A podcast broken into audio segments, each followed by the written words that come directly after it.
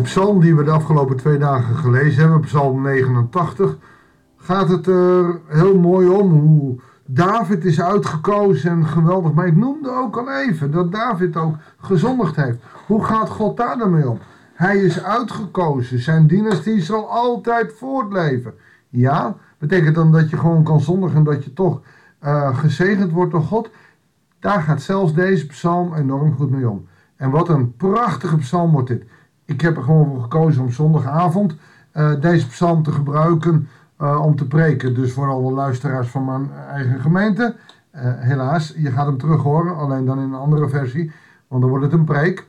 Maar geweldig verliefd geworden op deze psalm, waar zoveel in zit.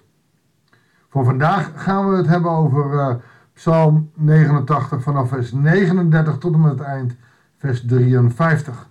Goeiedag, hartelijk welkom bij een nieuwe uitzending van het Bijbels Dagboek. We zijn gisteren gestopt bij, ik zal even de laatste twee versen lezen. Zijn dynastie zal altijd voorleven, gaat over David. Zijn troon voor mij staat als de zon, als de maan die stand houdt voor eeuwig. Trouwe getuigen aan de hemel. Dan staat er ook zelen achter, dan komt er een kentering. Want dan komen we bij vers 39. Toch hebt u hem verstoten en verworpen. Uw toorn over uw gezalfde uitgestort. Het verbond met uw dienaar versmaad. Zijn kroon vertrapt en ontwaaid. Wow, wat gebeurt hier? Ja, ook dit gaat over David. Dit is wat ik van de week al bedoelde. David heeft, zijn, heeft de trouw van God natuurlijk heel ernstig geschaad. Doordat hij stapel verliefd werd op die bloedmooie meid, Batseba. Die stond daar te, te badderen op het open dak, was mooi weer. Dus daar, en hij ziet die borsten van die vrouw en die knappe kop van haar en ze zegt, die wil ik hebben. En, en alle moraal is uit David. Hij zal en moet er hebben. Dus de soldaten gaan erop halen. Wat ze bij heeft geen keus. Ze moet komen en hij neemt haar tot vrouw. Dan heeft hij een probleem. En laat hij Uria dus sterven. Vooraan in de strijd. Hij wou niet meewerken, dan maar voor in de strijd zorgen dat hij doodgaat. Urias uh, is dood en dan mag hij eigenlijk formeel tot vrouw nemen. Want dan is ze uh, weduwe. Maar dat had hij al lang gedaan. Hij was vreemd gegaan, het was niet goed. En God is toornig op hem. En God is zo boos. Uiteindelijk krijgt hij vanuit genade nog 15 jaar erbij. Maar hij mag ook de tempel niet meer bouwen de droom van David in duigen, omdat hij niet met zijn hoofd dacht, maar met zijn geslachtdeel, om het zo maar even te zeggen. En daar is God niet blij mee. En daar doelt deze psalmdichter op. Hij gaat nog verder. U hebt de wallen van zijn stad gesloopt. Al zijn vestingen afgebroken. Voorbijgangers beroofden hem. Naar buren volken bespotten hem. U gaf zijn tegenstanders de overhand. Zijn vijanden verheugden zich. U beroofde zijn zwaard van zijn scherpte. U hult hem niet staande in de strijd. De belofte staat, er zal altijd iemand op de troon van David zitten totdat Jezus komt.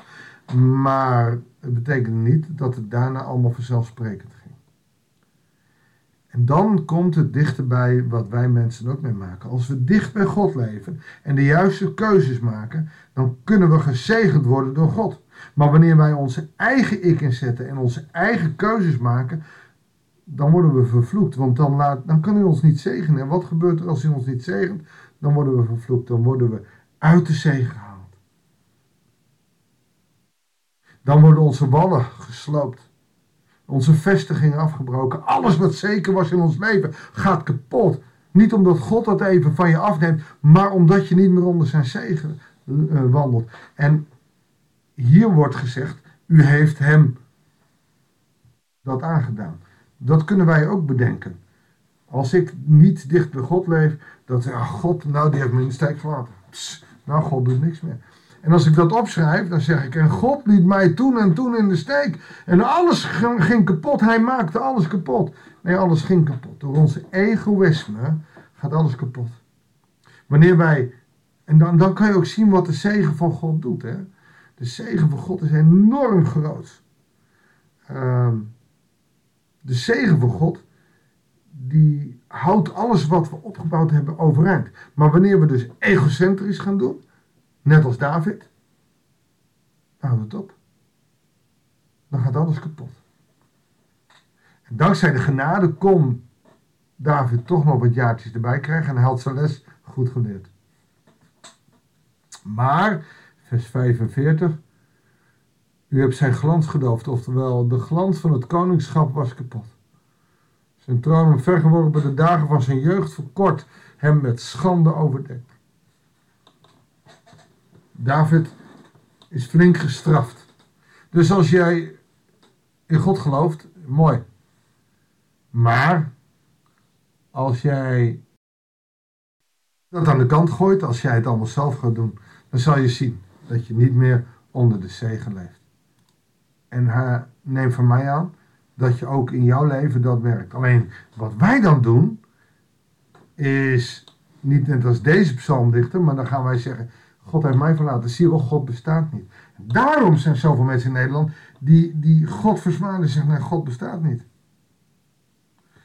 En dat is het trieste. Dan krijgt God de schuld. Ik merk het wel in programma's op televisie, uh, waar het wel eens over geloof gaat, dat mensen dan meteen zeggen: ja, ja, God heeft eh, de wereld in de steek gelaten. Want ja, nou ja, je ziet toch geen wonderen meer. Nee, God mag de schuld niet krijgen, wij moeten de schuld krijgen. En dan is er weer een Sela. Oftewel, dan is er weer een kentering in de psalm. En dan gaat hij bidden: Hoe lang nog, heren, bent u voor altijd verborgen? God is niet verborgen. Wij zien hem niet meer. Zie je wat er gebeurt in de psalm? Zie je dat hij daarom psalm 89 ah, eh, helemaal niet als, uh, als normgevend of als, als of als dogma kan gebruiken? Want dan zou je kunnen zeggen, als je zondigt, dan verbergt God zich voor jou. Nee, door de zonde kun jij God niet meer zien. En doordat je niet meer onder de zegen leeft, zul je het ook niet meer merken. En lijkt God verborgen voor ons. In het Oude Testament zal daar een verborgenheid bij zijn. Hij trekt zich terug. Maar na Christus zegt God, ik blijf jou zoeken. Ik blijf er voor jou zijn. Ik blijf aan jou trekken. Maar als wij God weren, als wij God verlogenen, weet je nog, dan zal hij ons ook verlogenen. Maar hij zal ons nooit ontrouw zijn. En dat is de mooie boodschap. Ik weet niet, ik heb het denk ik al eens eerder gezegd. Uh, dat staat in 2 Timotheus 2, vers 11 tot en met 13. Als wij God verlogen, dan verloochent hij ons. Als wij ontrouw zijn aan hem, blijft hij trouw aan ons, want hij kan zichzelf niet verloochenen. Hoe lang nog, Heer, bent u voor altijd verborgen? Blijft het vuur van uw woede branden? Gedenk mij en mijn vluchtige bestaan de nietige mens door u geschapen. Heeft er iemand die de dood niet zal zien? Die ontkomt aan de greep van het dodenrijk? Waar is uw liefde van vroeger, Heer? Hebt u David geen trouw gezworen? Gedenk, Heer, dat uw dienaren worden bespot. Dat ik leid onder de hoon van vele volken. Uw vijanden, Heer, bespotten mij. Spotten met uw gezalfde, waar hij ook gaat. Dan stopt hij. Dan zegt hij niet meer van, doet er nou wat. Hij, hij heeft zijn smeekbeden gezegd. Maar dit moet, net als Psalm 139, ook iets zijn geweest. Ach ja, maar het is ook onze eigen schuld. En dan eindigt hij met een vers. Geprezen zij de Heer in eeuwigheid. Amen, amen. Een dubbel amen. Dus hij heeft echt zoiets van, wacht even. Vraag, wat is uw liefde van vroeger? dat, dat moet bij deze psalmdichter geresoneerd hebben, maar ik heb die liefde verkwanseld. Hij legt het nog wel even bij God, Heere God, doordat wij zo dom zijn geweest en u onze zegen niet meer geeft, wordt er over u gespot. Ja, denk ik dan, ook aan mezelf. Zorg dan dat je dicht bij God blijft leven. Dus ik blijf de oproep doen, leef dicht bij God. Onder zijn zegen. Voel je gezegend mens, heb oog voor die zegen. Want als je het allemaal vanzelfsprekend vindt, zal je alles kwijtraken. Dat kan ik je wel vertellen. We zullen samen danken en bidden. Heere God, dank u wel voor ook de woorden van deze psalm. Als we zien dat we lyrisch kunnen zijn over hoe u in ons leven leeft en werkt, maar dat we ook zien dat als we ons eigen ik volgen, dat we dan niet meer onder uw zegen leven. Hoe dat met David ging, maar ook hoe dat met onze levens kan gebeuren. Heere God, open de ogen van ons hart om te zien hoe de zegeningen voor ons in ons leven werken, zodat we ook gewaarschuwd zijn dat we het niet zelf moeten doen, Heere God, maar help ons maar om dicht bij u te leven, zodat we u in ons dagelijks leven groot kunnen maken en kunnen zegenen met alles wat we doen en wie we zijn. Heere God, dat bidden wij u en we danken dat u in de kracht van ons geloof van de Heer Jezus Christus. In Jezus' naam. Amen.